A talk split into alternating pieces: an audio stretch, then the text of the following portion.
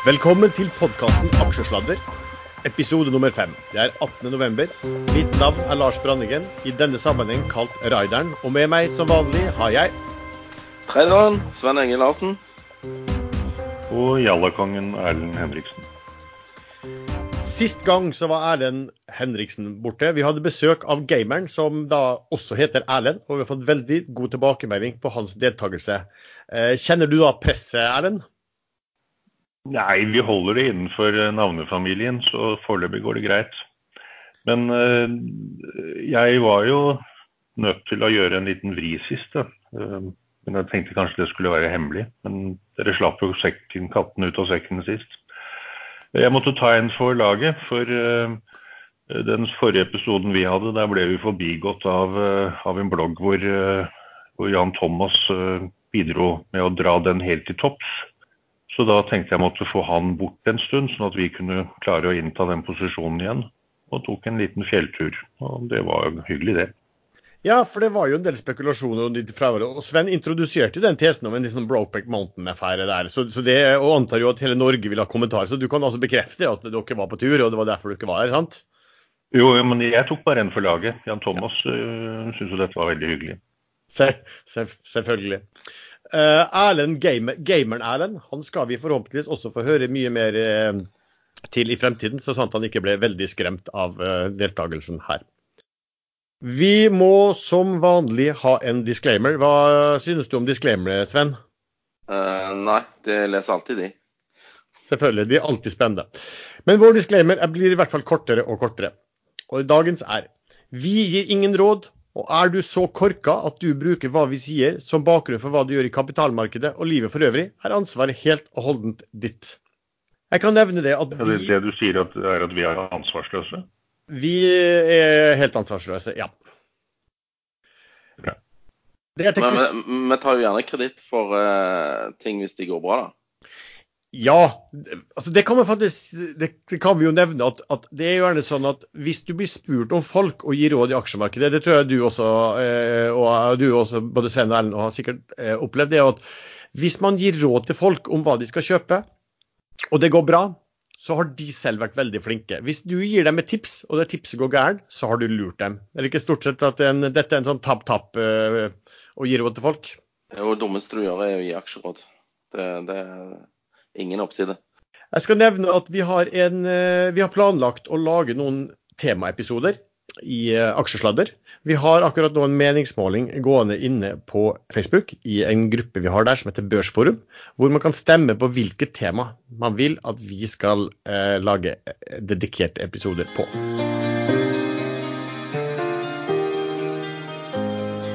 Så går vi over til hva som skjer i aksjemarkedet nå, og hva som har skjedd de siste dagene. Er det noe spesielt, mine herrer, som dere har tenkt å ta opp eller har reagert på? Vi kan vel kanskje begynne med dagens uh, aller største krakkvarsel noensinne. Uh, Førstesiden i Finansavisen Hermanrud. Mindre sannsynlig for krakk i aksjemarkedet. Han, han har jo spådd krakk nå i mange år? 14? Og når han blir positiv, eller mindre negativ, da, da går det gærent. Ja, jeg, jeg er blitt veldig skeptisk sjøl. Eh, jeg var på traderjulebordet til Pareto på torsdag kveld. Hyggelig seanse med sikkert ti av de mest bråkete kundene til, eh, til Pareto. Pluss eh, fire, fire stykker fra, fra Pareto sjøl. Vi hadde det kjempehyggelig og alt, og hadde tradisjonen tro en runde rundt bordet om eh, hvilke aksjer eller sektorer eh, vi skulle shorte eller eh, go long neste året. Husker ikke alle detaljene fra, fra akkurat den runden der i etterkant, men eh, satt med et inntrykk av at verden kommer til å gå eh, rett åt skogen. Så det som skjedde da, det er når jeg våkna opp morgenen etterpå, så fant jeg ut at ah, det er vel gjerne på tide å selge. Eh, så jeg solgte nesten alt jeg hadde av aksjer. Jeg satt kun igjen med Sidrill og noen andre småposter. Ah, og så har jeg lest litt den siste tiden, og, og jeg syns ting ser veldig skummelt ut. Og, og, det er spesielt USA da, som har gode data på på dette her med tall og estimater og sånne ting. Jeg har lagt merke til at eh, antallet short VIX, altså volatilitetsindeksen i USA, eh, posisjoner, den er nok en gang på all time high. Sist gang dette skjedde, var januar 2018. Og da ble det et veldig stort fall i markedet som vipa ut alle disse short-posisjonene. Og en del av disse meglerhusene som tilbød de, de gikk jo over ende, faktisk. Det er faktisk enda flere sånne posisjoner akkurat nå. Men Sven, bare, bare, for å forklare. Når de går short VIX, så betyr det egentlig at de, de, de tror på mindre svingninger i markedet, et mer stabilt marked framover, eller hva? Ja, eh, VIX-en er jo eh, volatilitetsindeksen på opsjoner. Eh, altså eh, kjøpsopsjoner i eh, USA. Er volatiliteten liten eller lav, og folk forventer at den skal bli lav, så forventer folk eh, veldig stabilt marked volatilitet med høy, da har du bevegelser i, i markedet. Store bevegelser, og, og, spesielt på nedsiden. Så folk har da shorta denne her i viksen og, og eh, forventer at den skal bli lavere. Og ja, det, det, går vel sånn som sist gang. Eh, om en stund nå så finner noen ut at nei, nå skal vi ta, ta rotta på disse. Og, og kjøre da motsatt. Og det vil jo føre til en massiv nedgang i, i aksjeindeksene. Mm, og, det, og, at VIX-indeksen som sådan eh, stiger, eller hva? Ikke sant? Ja, den vil stige som søren. Ja. Og så har jeg lagt merke til at eh, Q4, eh, BNP-estimatene, har blitt nedjustert av de forskjellige Fed-kontorene. St. Louis Fed, New York Fed, Atlanta Fed.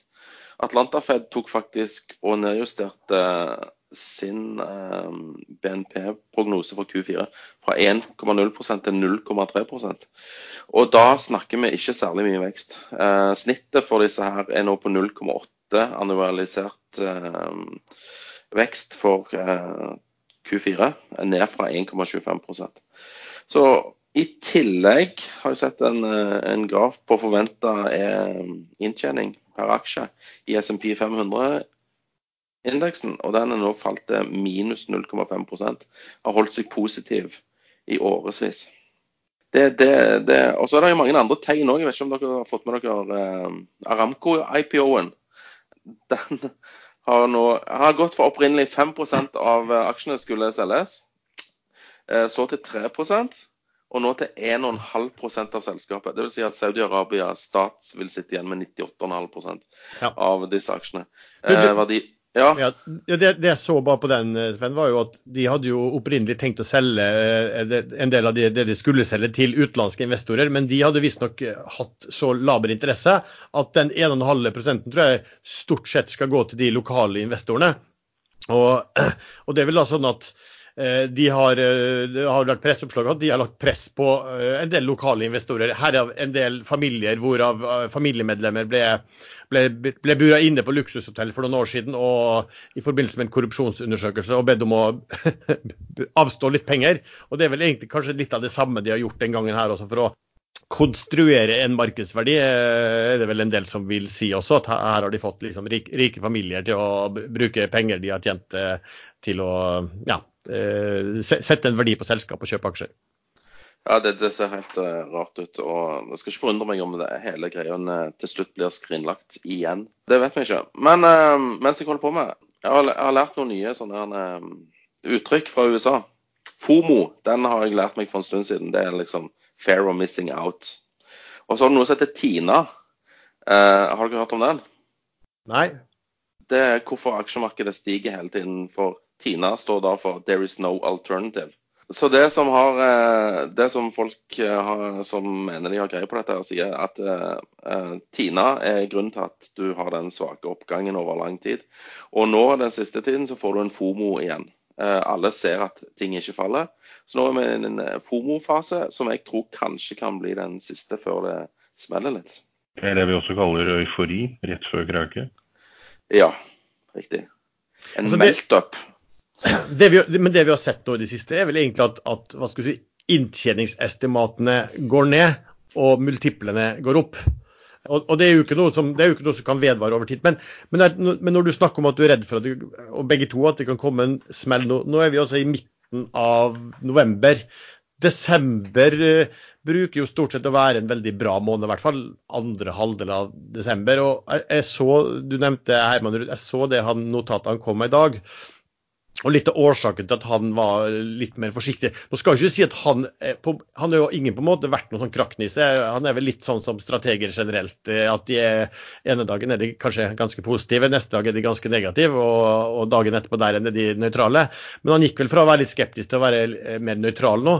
Og årsaken til det var vel eh, i stor grad, sånn som jeg forsto det, kortsiktig. Det vil si at nå har vi kommet oss gjennom eh, oktober og mesteparten av november, og det er da det bruker smelle. Ergo går vi opp igjen til nøytral. Jo, men det var altså en, en, del av, i hvert fall en del av forklaringen. Ja, og jeg tror kanskje òg det blir et uh, julerally, uh, sånn som det pleier. Men uh, enkelte år så venter folk på julerally, og de kommer aldri. Så jeg er litt usikker.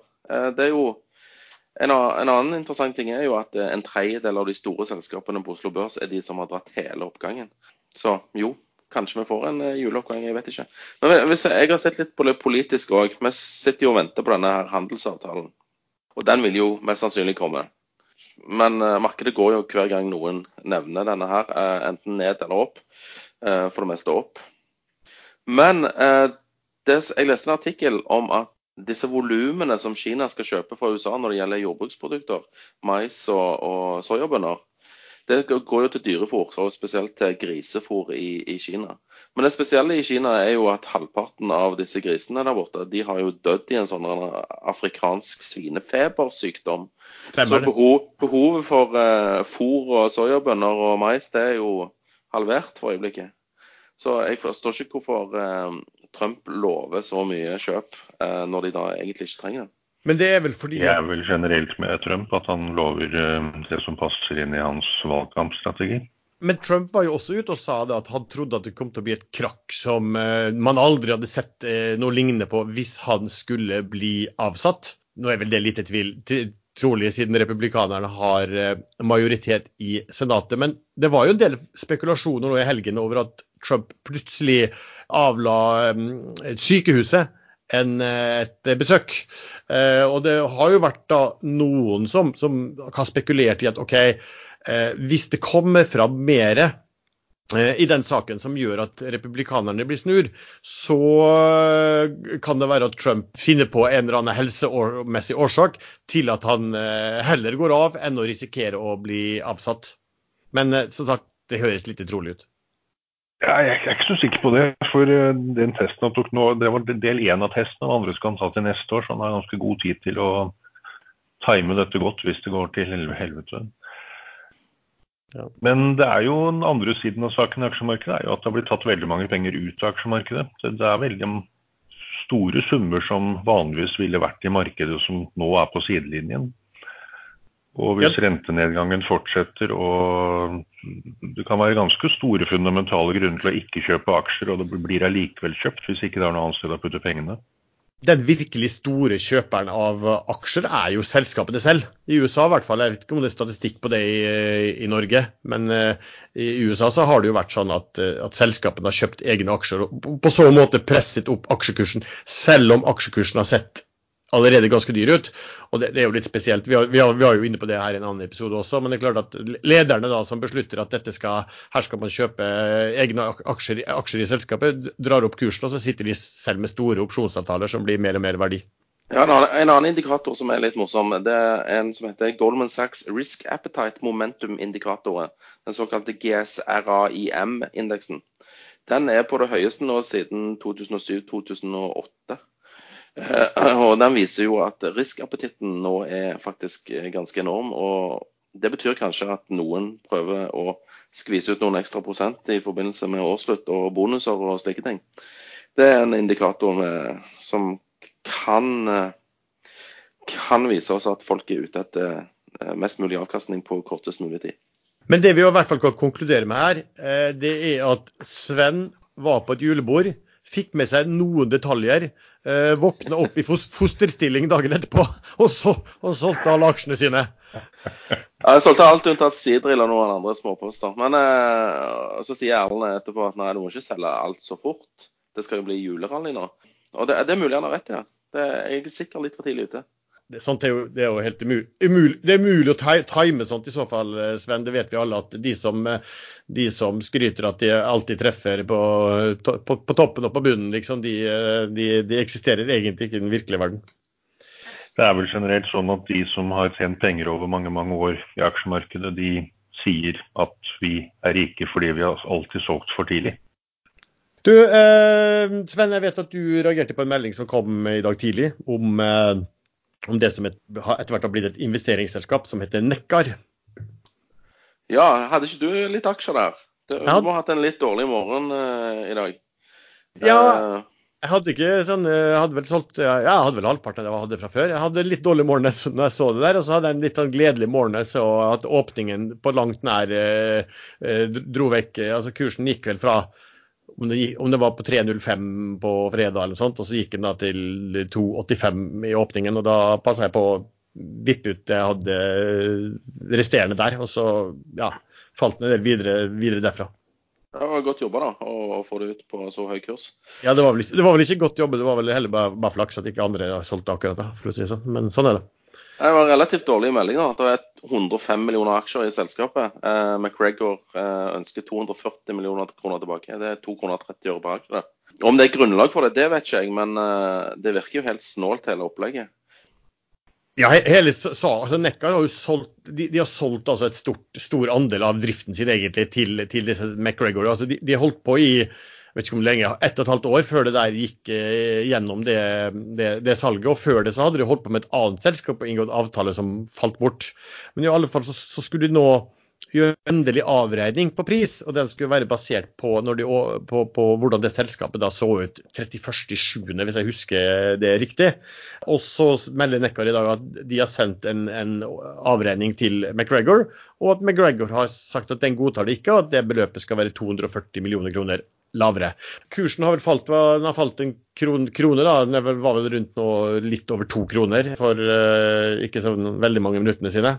Uh, og da har de falt sånn, sånn ca. halvparten vel av, av, av, hva det kravet skulle innebære.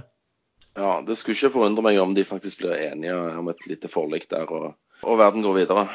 Ja, jeg har også mistanke om det at det er jo gjerne sånn at du, når du melder tilbake et, et motkrav, så tar du vel gjerne litt uh, godt i. Ja. Er det andre ting uh, Sven, som dere har uh, reagert på? Ja, Idex henter penger. Eh, åtte gode venner som har funda Idex fram til de skal gå eh, i pluss, sto det i meldingen. Det har de skrevet i 20 år, tror jeg. Men hvem kan disse eh, åtte gode vennene være? Nei, hvem kan det være? Vi, vi, har vel vært inne på hvem som nettopp har blitt store aksjonærer der, og har vel fått med seg noen av disse andre kjendisene i, i i Norge. Ja. Og om de, hvis det, om de i så fall eh, er så langsiktige, det er et case at, at de skal eh, sitte der til dette selskapet går i pluss, eller om det skal fremheves at det kommer til å gå i pluss og så selges, det ja, kan man jo selv eh, fundere på. Nei, det blir ja. spennende å se. Det bør vel skje noe der innen kort tid på inntjeningen, hvis ja. de skal kunne holde løftet. Det er hvert fall, det er jo de, har, eh, de, som har greie på selskapet, sier at de har ikke noe sensor klar. Eh, de sier at kortmarkedet skal bli bra for det, men det, eh, i motsetning til Fing, svenske Fingerprint, så har ikke Idex den sensoren ferdig ennå. Hva skal de selge?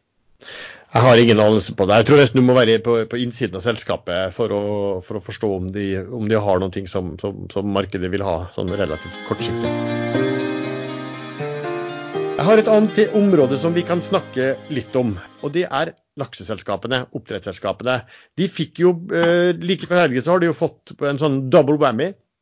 Og så først så kom det forslag om økt beskatning fra et, eh, et utvalg. Og så kom det stevning fra Justisdepartementet i USA vedrørende etterforskning av prissamarbeid. Europakommisjonen har vel allerede meldt at de holder på med slik undersøkelser. Og så har de tidligere en del av selskapene fått meldt at det er igangsatt gruppesøksmål mot dem i USA. Jeg så bare på fredag så var det da mange lakseselskap som falt på børsen. SalMar var f.eks. ned 6% Hva skal vi mene om eh, de nye momentene? Jeg syns det er litt merkelig, fordi at denne lakseprisen, den Ja, OK. Det er store aktører som sikkert snakker seg imellom og sånne ting. Men eh, drives ikke denne lakseprisen og bestemmes via en børs? Eh, en fiskebørs? Eller er det kun her i Norge? Nei, det er spotmarked i Belgia, er det? Europa et eller Men, men, det fantes ikke også et uh, marked for uh, Libor-renter, for å si det sånn, som var uh, Ja, det er sant. Det... tusen eller millioner ganger større, og den ble også lett manipulert, viste det seg. Jeg trekker tilbake det jeg sa. nei, altså, men, men nei, det, er helt, det, er vanskelig å vite hva, hvordan det der måtte være. Det jeg gjorde før, før sendingen nå, for det synes jeg var litt interessant, det var bare å se litt hva dette utvalget som kom med forslag om økt beskatning, hvorfor, hva, hva, hva de mener. Det var ni personer som var i det utvalget, og det var seks av de som var for økt beskatning, og tre var mot. Hvorav én var en representant fra LO, faktisk, og en var ordfører på Hitra. Sistnevnte var vel ganske lite overraskende at han, han ikke mente det, det, skulle beskattes, for det er jo litt i lakseoppdrettland, for å si det sånn. Motiveringen for økt skatt, og det, det, de ville gjøre var at de ville legge på skatt sånn at de skulle betale opptil 62% skatt mot altså en 40% skatt på toppen av de vanlige 22. Motiveringen for var at de altså fikk bruke fellesskapets ressurser, dvs. Si fjordene, med begrensning på konkurranse, fordi at hvem som helst ikke kunne sette i gang, eh, i tidsubegrensede for oppdrettstillatelser, som, som, da altså hadde gitt superprofitt. De har, eh, jeg så at det var snakk om at de hadde som, som, næring hadde de gjennomsnittlige marginer på over 20% over de siste par tiårene, og godt over 30 nå. og Noen har jo også ligget opp i 40 og 50% Det vil si at de har en lønnsomhet som er langt, langt over det normale. De motiverte også på at man har tilsvarende skatt sånn på olje og vannkraft, som bruker eh, fellesskapets ressurser.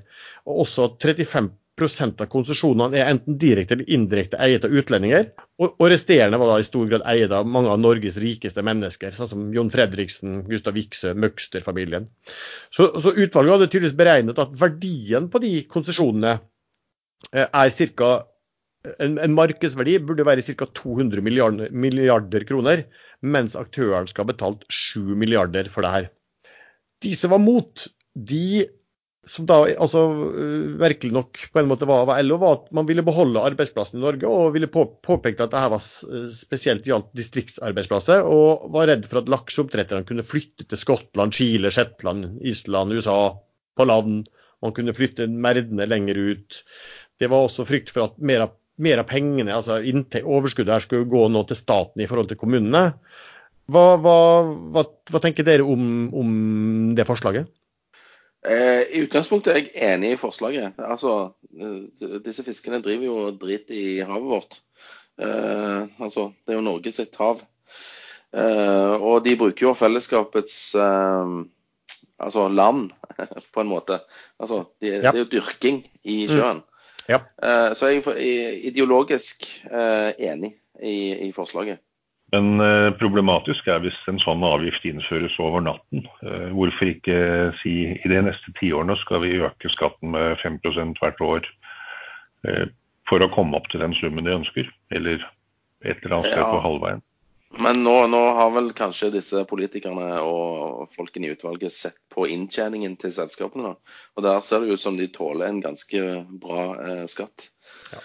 For, for her, ble, her, ble, det jo sånn at eh, altså de som var mot det, var redd for at lakseoppdretterne kunne flytte utenlands eller flytte til havs. Og jeg så jo også at han, Gustav Witzøe eh, bak SalMar eh, nevnte vel også det som et poeng. Hva, hva, høres det realistisk ut? Det er jo litt samme argumentasjon som ble brukt den gangen oljeskatten i Norge ble strikket sammen. Eh, og da var vel høyresiden veldig imot så høy skattetrykk, mens den ble gjennomført allikevel. Og da hadde jo også utenlandske oljeselskap truet med at de ikke ville røre norsk sokkel hvis den skatten ble innført, men det skjedde jo ikke. Kunne, kunne i hvert fall kanskje fått et uh, kortsiktig løft i supply-næringen nå. Hvis uh, alle disse merdene skulle taues av gårde ned til Chile uh, av sånne supply-båter. det kunne jo vært litt fint for de som satt med supply. Kanskje kunne reddet enkelte andre på Nordvestlandet.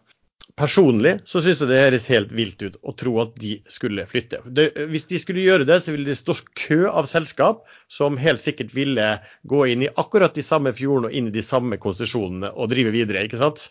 Det kunne jo vært staten selv. Med de, med de marginene så kunne jo staten, eh, staten eh, satt opp et selskap. og de har, de har jo hatt, eh, Staten har jo hatt oppdragsselskap før også, i hvert fall vært storeier i, i, i Cermaq, som vel gikk inn i Movi i, i sin tid. Så, så hvis noen flytter, så vil jo andre eh, ta over, eller også noen vil bli, og, og, og ta opp det som er superlønnsomme konsesjoner. Så det er jo en grunn til at disse selskapene har vel blitt store og fantastisk lønnsomme i, eh, i, i Norge. Det er jo ikke sånn at, at eh, Uh, og, og, og, du kan vel bare, altså, du, du, må vel ha en begrensning også på, på liksom, hvor mye det produseres. Det er jo ikke sånn at det er en massiv overproduksjon i, i Skottland og Shetland og Island og hvor det måtte være. Jeg tipper de blir enige om et nivå som er spiselig for begge parter.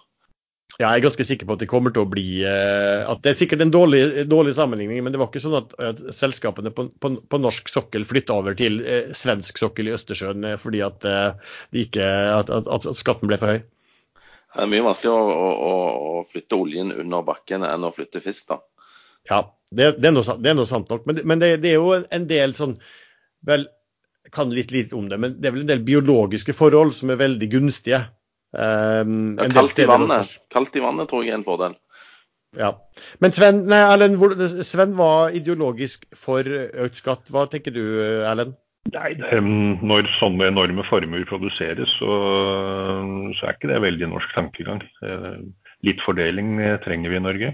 Eh, jeg tror de takler det, men jeg syns som sagt ikke man skal innføre fra en dag til en annen en så stor avgiftsøkning. Det kan man ta over flere år.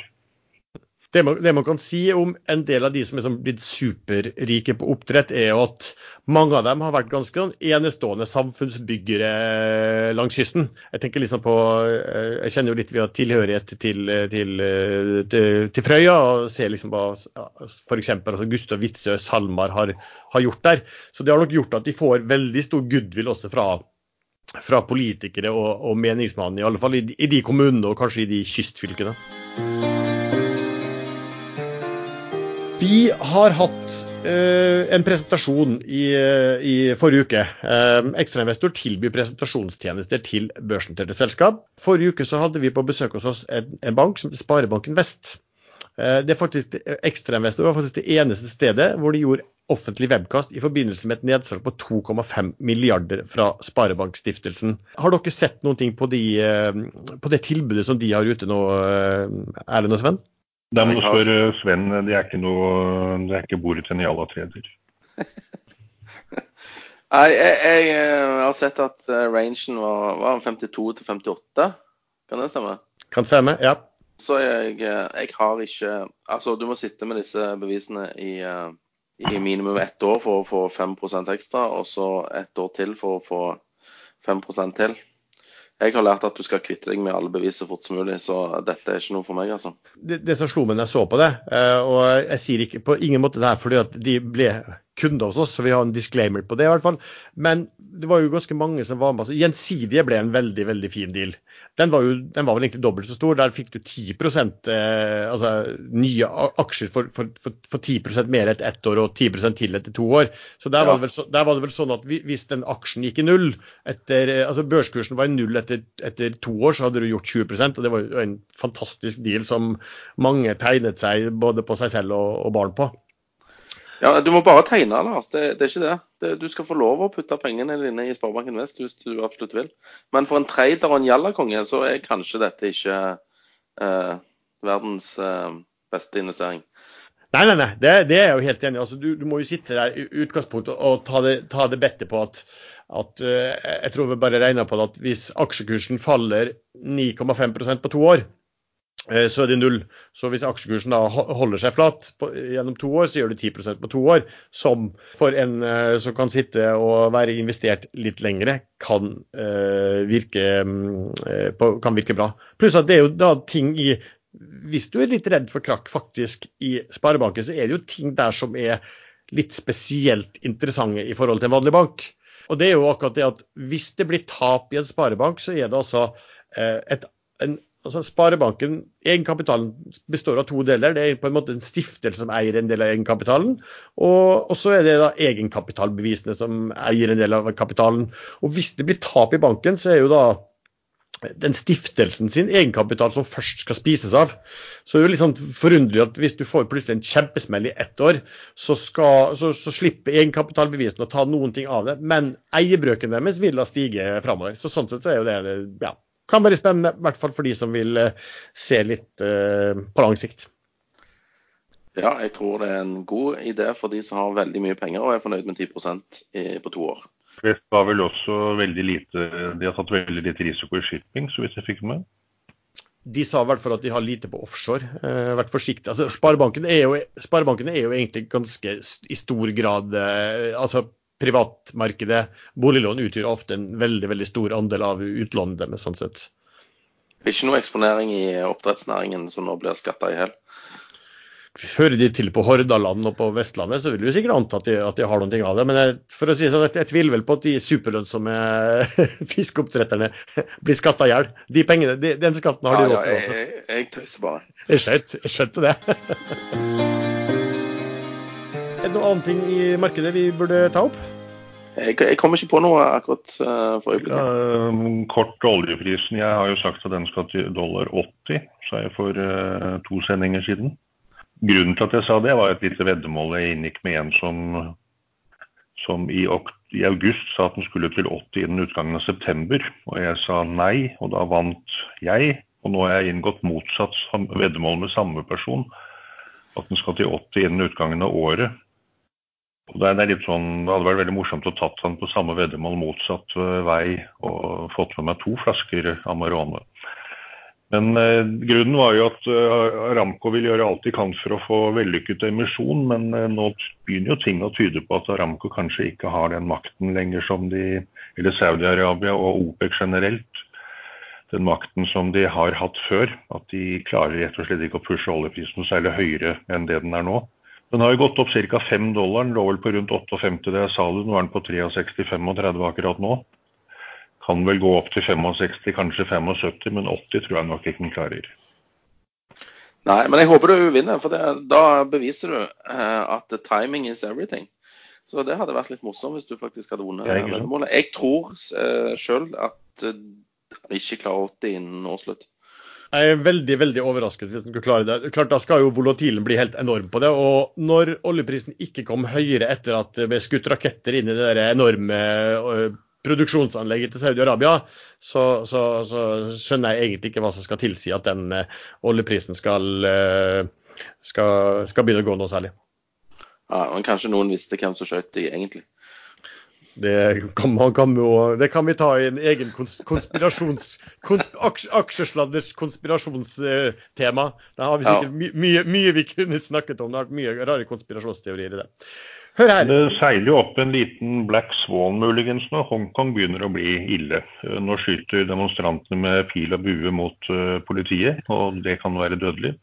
Uh, politiet ikke går til uh, angrep på et universitet, var det vel, hvor de demonstrantene hadde forskanset seg, og det ble brukt brannbomber og gummikuler osv. Kina har snart ikke noe annet valg enn å gå inn. Jeg ville faktisk forstått det hvis Kina nå går inn. Det landet går i oppløsning, eller Hongkong. Og da har jo USAs utenriksminister Pompei samtidig gått ut og sagt at de holder alle opsjoner åpne. Også militære opsjoner hvis Kina går inn, og da er jo helvete løs. Ja, men er ikke, egentlig, er ikke egentlig Hongkong er, er hermetegn eid av Kina, da? Kanskje de egentlig gjør hva de vil? Jo da, det er en del av Kina. De kan jo, gjøre hva Det ble vel laget i avtalen så står det at Kina, Kina skal ikke gå inn militært, og de skal beholde topolitikksystemet to sitt. Men, men, det går en grense for alle land. Dette er jo det er ikke vanlige demonstrasjoner lenger. Dette er jo et organisert uh, opprør. Nei, og, og, hvor mange vil eh, investere i Hongkong og bruke det som et eh, finansielt sentrum? Jeg tror de kommer til å miste sin status på akkurat det der. Eh, til og med fra innad i Kina. Nå skulle jo disse Alibaba eh, kjøre et nedsalg av aksjer på Hongkong-børsen. Eh, det ble kansellert i går. Sånn at disse opptøyene og demonstrasjonene de, de, ja, de skaper ringvirkninger som har, får innvirkning på økonomien. Både i Kina, Hongkong og, og kanskje overalt i verden. Ja. Men hvis eh, Kina skulle gå inn der, så, og amerikanerne reagerer på det, så henger vel også en, en uh, handelsavtale part én i en mye tynnere tråd? Men der tyder vel også det meste på at det er ikke Trump lenger som styrer den handelsavtalen, det er eh, Kina. De, han eh, må nesten ha en avtale på plass før valget, eh, tror jeg. Eh, det har Kina skjønt. Og legger nå mer og mer press på. Vi har eh, en gående en bolk i, eh, i hvert program som, der vi tar for oss noen av de verste selskapene noensinne på Oslo Børs. I dag så tenkte vi Svend skulle fortelle om en av sine ikke akkurat favoritter, men en, en han mener fortjener en plass på den listen. Ja, det var en gang et forsikringsselskap som het Blue Water Insurance. De ble notert på Oslo Børs. Um, de gjorde det vel egentlig ikke særlig bra. De fikk et tilbud om å bli kjøpt opp av uh, Sparebank1 Forsikring til uh, 14 kroner aksjen. Etter store tap. De hadde meldt om ditt og datt, og det så veldig dårlig ut. Aksjen lå tredjet rundt 13 kroner, og jeg syns jo at oi, her kan jeg få én krone hvis jeg kjøper den på 13 og selger den på 14, eh, som var budet. Så det jeg gjorde, jeg kjøpte ganske mye aksjer i denne her Blue Water eh, Insurance. Dette er vel egentlig mer en dårlig trade eh, enn et dårlig selskap. Eller selskapet var jo drittdårlig det òg, da. Men traden i det dårlige selskapet var jo òg veldig dårlig. Sånn at det var mye dårlig her. Så uh, skjedde det som da uh, plutselig av og til skjer, som f.eks. i dag i Nekkar, at uh, det kom en dårlig, dårlig, melding. Det som skjedde da, det var at Sparebank1 Forsikring hadde sett litt nøyere på regnskapene til disse Blue Water og funnet ut at det egentlig var hele kapitalen tapt. Men for å være greie så bøy de da fem kroner per aksje. Jeg solgte med en gang den åpnet for handel igjen på rundt seks kroner. Eh, så ja, jeg tapte vel 70% eller hvor mye det var. Eh, selskapet var drittdårlig, skulle aldri vært børsnotert. og det ble søksmål i etterkant mot revisorer av selskapet. Jeg vet ikke helt hvordan det gikk, fordi det, jeg, tror det ble et forlik der som vi aldri hørte noe om. Og jeg er så lei av sånne regnskapssvindelselskaper som blir notert på Oslo Børs at jeg kan ikke få sagt det nok drit å dra Blue Water Insurance, som nå heter Unison Forsikring, og nå heter noe annet, hvis det ikke er nedlagt. Men det her var altså eh, Det var et skadeforsikringsselskap, ikke sant? Det var det.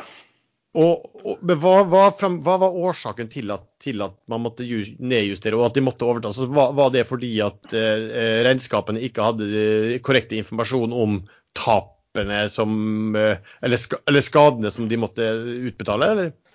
Vet du hva, jeg satte meg ikke så eh, nøyaktig inn i det. Eh, det var bare det at disse bøkene de var eh, langtidskokte.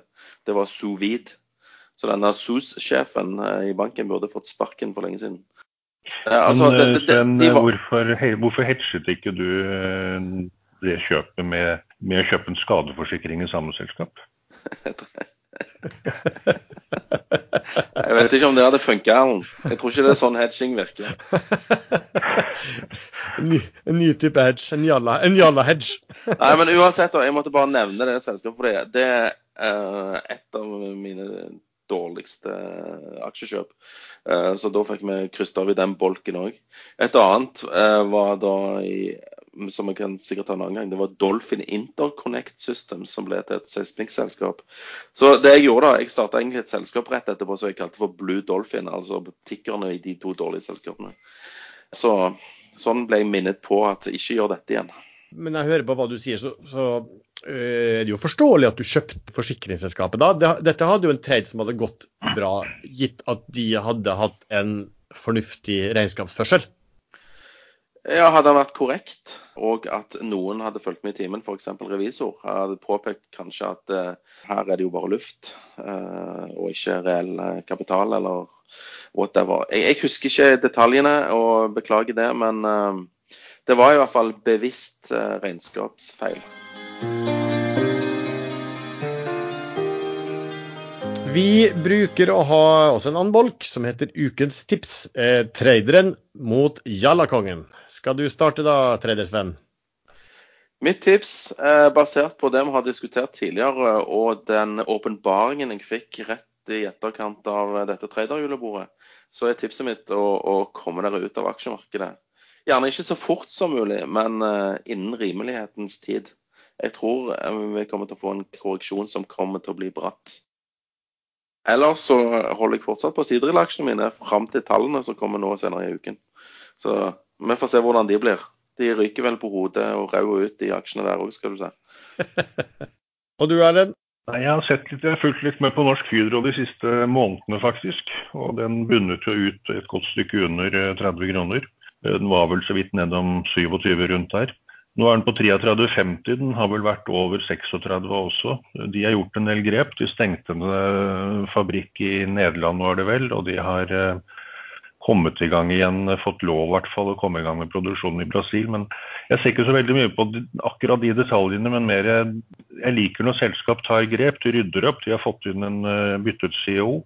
Faktisk en kvinne der også, så nå er jo både DNB og Norsk Hydro styrt av kvinner, så det neste er vel Statoil. Man leser på forum og veldig mange som påstår at kvinner gjør det dårlig som CEO, men det, det inntrykket har ikke jeg. De gjør ting på en litt annen måte. De har ikke samme behovet for, for hva skal man si, stor penis som menn har. Så de, de, de gjør ting litt roligere. Du, du, du, sier at damer ikke har behov for hva for noe, sa du? nå, nå, jeg, jeg, er heldigvis blitt såpass gammel at jeg har veldig, veldig dårlig korttidshukommelse. Jeg må si jeg er veldig glad for at du sa det at, at kvinner var like flinke som CEO som, som, menn. For Hvis du hadde sagt det motsatte, så hadde jeg i hvert fall ikke kommet til å oppgi noe, noe kontaktinformasjon, noe mailinformasjon i det løpet av denne sendingen her. Nei, jeg sier jo dette selvfølgelig bare for å få bedre drag på kvinnelig tilhør, til, tilhørerne, hva heter det for noe? ja, vi regna faktisk med med ja, lytterne. Ikke seerne, lytterne. Men det er jo litt av et jallaselskap du har funnet denne gangen, Erlend?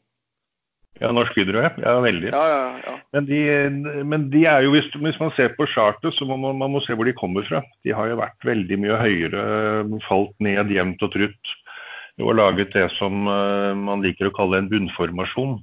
Uh, og nå syns jeg mye tyder på at den er på vei opp, og det syns det bygges opp av stemningen, sentimentet rundt selskapet.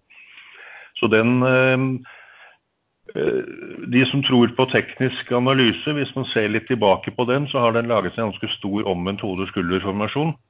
Med bunnen på 26 kroner, og ved brudd opp over ca. 36 kroner, så er det 10 kroner å hente der. Så at Norsk Hydro skal til 46 rent teknisk, det er ikke utenkelig. Innen? Ja, Den så jeg ikke så nøye på. Jeg husker ikke når bunnen på 26 var, men sånn ca. samme tidsrom fra den til nå. Og det er ikke så lenge siden. Fire-fem uker siden. Ja, Det er mye bedre enn eh, 10 på to år. Ikke sant. Men, eh, men, jeg må jo legge til at jeg tror heldig eh, Det kan komme et krakk plutselig hvis det blir brudd i Kina-forhandlingene nå igjen. Da tror jeg ikke markedet takler det en gang til. For da vil det bruddet bli langvarig. Eh, hvis det toppes av konflikt i Hongkong, så tror jeg markedet kan stupe noe voldsomt. Sven? Jeg er ikke sikker på at det er bedre enn 10% på to år hvis aksjekursen står stille. ja, nei, nei, nei, nei, dette ble for avansert for meg. En aksjekurs som står stille i tillegg, det er jo pyton for en trader. men, da er det greit, å få 10 Uh, ah, jeg vet ikke. Uh, en stille aksje? Nei, fytti bikkja. Pensjonistaksje? Det er sant. Pensjonist- og barneaksje er vel kanskje det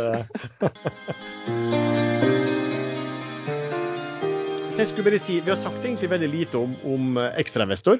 Vi, ekstrainvestor er altså noe som består av investorcommunityet ekstrainvestor.com, der vi tre er medlemmer, og der du veldig ofte treffer oss tre inne i et av chatrommene. Prøv gjerne tradingchat først, der er vi mest. Vi har et nyhetsbrev som heter Børsekstra, der vi har 9000 gratisabonnenter. Vi har tilstedeværelse på Facebook, vi har egen side og en gruppe som heter Børsforum. Og vi har presentasjonstjeneste for børsnoterte og unoterte selskap og kapitalaktøy. Og nå har vi også fått aksjesladdere på denne podkasten. Hvis du vil bli medlem, så er det bare å registrere deg. Er du nysgjerrig på promotion-tjenesten eller vil motta Børsekstra, så er det bare å sende en melding til info.ekstrainvestor.com. Nå tenkte jeg vi skulle gå over til et tema som er ganske interessant. Og det som er spesielt heldig her, er at en av medlemmene våre her i denne podkasten er en som var kanskje den første som jeg så i Norge som advarte bredt ut blant uh, investorer på fora om å ikke investere i en del selskap. Jeg tenkte vi skulle snakke litt om dødsspirallån. Og du Erlend, du lærte om hva dette her var veldig tidlig, og derfor kunne advare mm, folk mot å investere i selskap som brukte den type lån. Kan du fortelle litt hva dødsspirallån er først? Ja, dødsspirallån, da inngår man en konvertibel låneavtale med et selskap som stiller alt fra 5 til via 50 millioner eller 500 millioner kroner til rådighet som skal trekkes i transjer og øh, konverteres til aksjer som de da selger i markedet. Øh, men det som er haken ved dette her, er at de samme selskapene som tilbyr dette, de inngår alltid en låneavtale med selskapet hvor de låner aksjer av eksisterende aksjonærer øh, som de bruker til å shorte, shorte kursen i de selskapene før de foretar trekkene. Så de får kursen langt ned når trekket foretas. Det er beregningsgrunnlaget for konverteringskursen. Dvs. Si at de alltid ligger foran markedet, mer eller mindre per definisjon. Eh, og kursen fortsetter nedover og nedover, og derfor dødsspirallånet. Målet til disse selskapene eh, som tilbyr dette, det er å shorte kursen under pålydende. For da har ikke selskapet lenger lov til å utstede aksjer under pålydende. Eh, det kan løses teknisk ved at selskapet dekker mellomkursen, eh, men disse selskapene har gjerne aldri nok kapital til å gjøre det, og da går de konkurs. Og da ligger det gjerne en, eh, en sikkerhet bak dette lånet i bakgrunnen, hvor långiver overtar alle assets i selskapet. Så i Norge, Finansavisen hadde vel en oversikt på dette her noen måneder siden. 22 selskap i Norge, Sverige og Finland var det vel, som var hadde inngått slike avtaler. Eh, de fleste med Alfa Blue Ocean, som også kaller seg European High Growth uh, et eller annet. Uh, Brakk Nord har de også kalt seg. Av 22 selskap så var kursen redusert med i gjennomsnitt 70 mener jeg det var. Og to av selskapene hadde gått konkurs. Ingen hadde kursen steget. Det var ett unntak her for to år siden. Da inngikk Eh, gamle ITX, som nå heter Element. De inngikk en slik avtale, men da var interessen i markedet for det selskapet så voldsom at disse lånene, selv om de ble konvertert på hyggelige kurser for långiver, så fortsatte kursen rett opp. Den gikk femgangeren. Eh, men etter det så har den blitt redusert med 90-95-98 husker ikke. Ja, for, for den oppgangen kom når dette Element hadde intensjoner om å lage seg en egen sånn kryptovaluta? Ja, ikke sant. Det, og dette var i 2017, så de kom jo midt i kryptorally den gangen. Eh, derfor gikk kursen. Men dette fant jeg ut første gang jeg var borte der, det var faktisk tilbake i 2010. Eh, hvor gamle IGE, IGE Resources, som nå er Aksaktor, eh, inngikk et slikt dødsspiral med lån med noe som heter Yorkville. USA-basert eller kanadisk, husker jeg ikke farten, selskap. Jeg syns dette hørtes litt for godt ut til å være sant, at IG, som ikke hadde noe sikkerhet annet enn masse penger i bakken, eh, skulle få låne så mye penger. Jeg googlet det opp og fant veldig kjapt ut at samtlige selskap eh, som de hadde lånt penger til, de var enten desimerte i kursverdi eller hadde gått konkurs. Og googlet opp, googlet opp fram til en dom i USA eh, hvor dommeren konkluderte med at lånet er 'designed to fail'. Långivers ønskedrøm, og den pleier å funke, det er at selskapet skal konke. Men Erlend, for å prøve å gjøre det litt, litt sånn enkelt. La oss si sånn at jeg finner et selskap som heter Jalla AS, som er børsnotert. ikke sant? Og så tilbyr jeg det selskapet om at de, jeg skal låne de penger. Si at aksjekursen der nå er 100 eh, kroner. Men så inngår det at jeg skal få omgjøre de, det lånet til, til uh, aksjer. Ikke til en fastsatt kurs, men til en kurs uh, som den måtte være når jeg vil konvertere sånn noenlunde. Kan det, er det riktig? Ja. Og så, ja. og så Samtidig så går jeg til Erlend Henriksen og spør du, kan jeg få låne to millioner aksjer av deg i dette selskapet.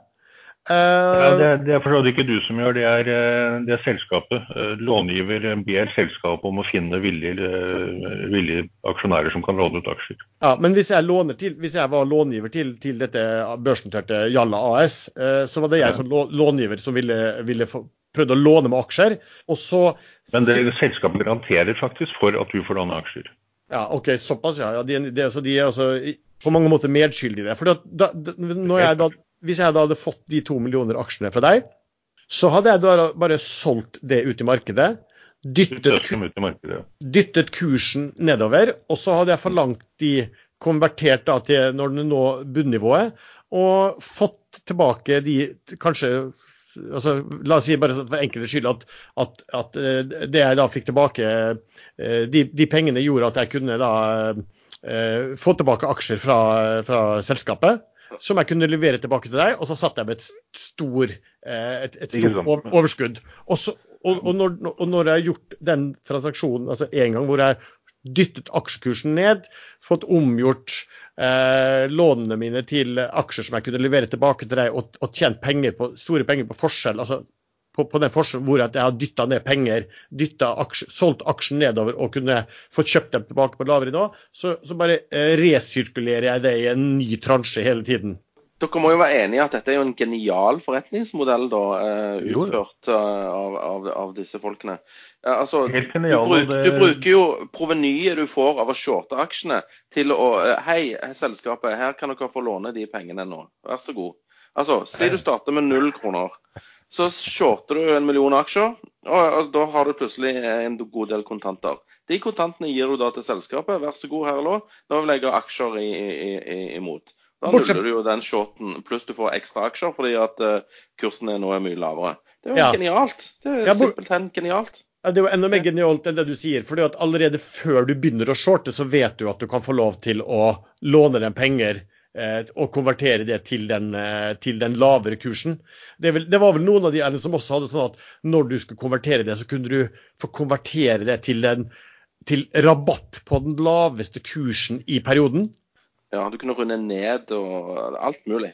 Det er genialt. Runde ned til nærmeste tiøring. Eh, da elementkursen var på seks kroner, da hørtes ikke det så galt ut. Men når kursen falt ned til uh, eh, 20 øre, da var det 50% rabatt. ikke sant? Fem, fem, fem, først kunne du shorten, og så kunne du få 50% over 50% rabatt på, på, på, det. Ja, nei, Det er en helt, helt uh, ellevill uh, sak. Men, der. men det er jo litt rart at det kommer, I tillegg kommer det at når de signerer avtalen med selskapet, så får de også gjerne en sign-on-fee. Uh, den siste avtalen med Element, da fikk de 500 millioner kroner lån. Da fikk de utbetalt 25 millioner kroner den dagen de startet. Det er jo vanlig at långiver får sånn provisjon, da. Det er hallo. Det er, jo, jo, jo. Er jo 25 altså, de, de, skaffer jo masse finansiering her, så selskapet kan vokse og bli store og, og alt dette. Og, og i, Men, I tillegg så får de provisjoner eh, hvert trekk. Så de, i tillegg til at de får da en rabatt, rabattert kurs, så får de også utbetalt kontantbeløp. Rundt 2-3-4-5% er vel også vanlig per gang de trekker. Ja, ikke så det er, det er en pengemaskin. Ja. Nei, men, uh... men det er vel gjerne på grensen til Jeg vet ikke, Har noen undersøkt lovligheten av denne finansieringsformen? Jeg har undersøkt lovligheten, og den, eh, det er faktisk et norsk advokatfirma, Vogt og Vik, de som har reklamen på brystet til Magnus Carlsson og han spiller sjakk, som eh, har til, tilpasset denne avtalen norske forhold. Så den, den er nok vanntett. Og ABO har også vunnet minst to rettssaker i Norge hvor Selskapet nektet vi dem aksjer, og de begge tapte retten. Det er fordi det er avtalerett som gjelder, ikke fordi det er logisk og hva som burde vært, men eh, avtalerett er beinhard. Men, men, det, men det som jeg er helt sikker på, lytterne, det, det er litt komplisert det her. Men et spørsmål som man må stille seg er hvilke, altså, hva tenker toppledere og ikke minst styremedlemmer i selskap som inngår slike avtaler? Altså, Hvorfor gjør de det? Det som du sier, Ellen, at ja, du, det, kan jeg, det, kan jeg, svare på, Lars. Det er ja. fordi eh, For det første er det økonomisk stresset. Eh, disse selskapene de, de peprer mailboksen til IR og CEO og CFO i alle selskap som er økonomisk stresset med e-mails og ber om møte. Og når man eh, som CEO eller CFO i et selskap eh, vet at vi klarer ikke å betale regningene om to måneder, eh, da griper man til halmstrå og så ser man på denne løsningen. Og den, den, ser veldig pen ut.